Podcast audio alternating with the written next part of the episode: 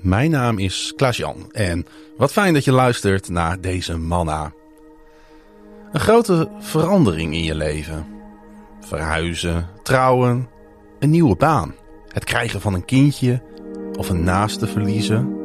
Het kan je leven zwaar maken. Een boost geven, maar ook op de kop zetten. Ik ben net begonnen met een nieuwe baan en zoals dat dan gaat, stort ik mij er volledig op. Ik ben namelijk blij met die baan. Ik voel me gezegend en gemotiveerd. Maar ik merk ook dat er een schaduwzijde is. Hoeveel tijd heb ik nu nog over voor mijn vrienden, de kerk en God? Ik zal eerlijk zijn, op dit moment weinig. Daar komt bij dat ik ook nog eens voor een korte sportvakantie in Amerika was en op het moment dat deze manna uitkomt zit ik in Italië om verslag te doen van een basketbalwedstrijd. Begrijp me niet verkeerd, ik ben echt heel blij met mijn werk. Maar waar is de balans? Die vraag komt de laatste dagen steeds meer en meer bij mij op. En ik geloof dat dit gedachten zijn van de Heilige Geest. We krijgen ze niet zomaar. De Heilige Geest spreekt tot ons uit verlangen. Vragend wil ons aan het denken zetten. En tegelijk weet ik dat ik mag wandelen in genade, zonder er misbruik van te willen maken. Genade is wat God doet. Geloven is wat de mens doet.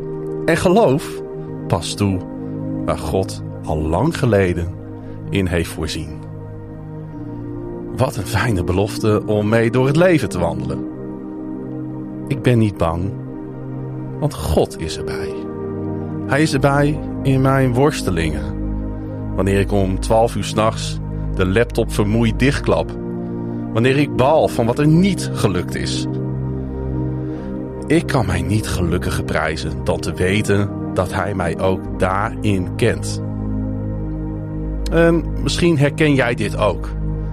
Dat het leven je zomaar in de greep krijgt. Werk, gezin, sport.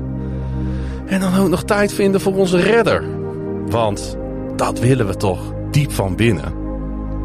Weet dan dat overal een tijd voor is, zoals Prediker zo mooi zegt. Maar wanneer de Heilige Geest tot jou spreekt, misschien is het dan goed even stil te staan, afstand te nemen en te bedenken wat er werkelijk toe doet in jouw leven. En sluit dan de woorden van Job 19, vers 25 in je hart. Want ik weet dat mijn redder leeft. Uiteindelijk zal hij mij uit het stof optillen, zodat alles weer goed komt.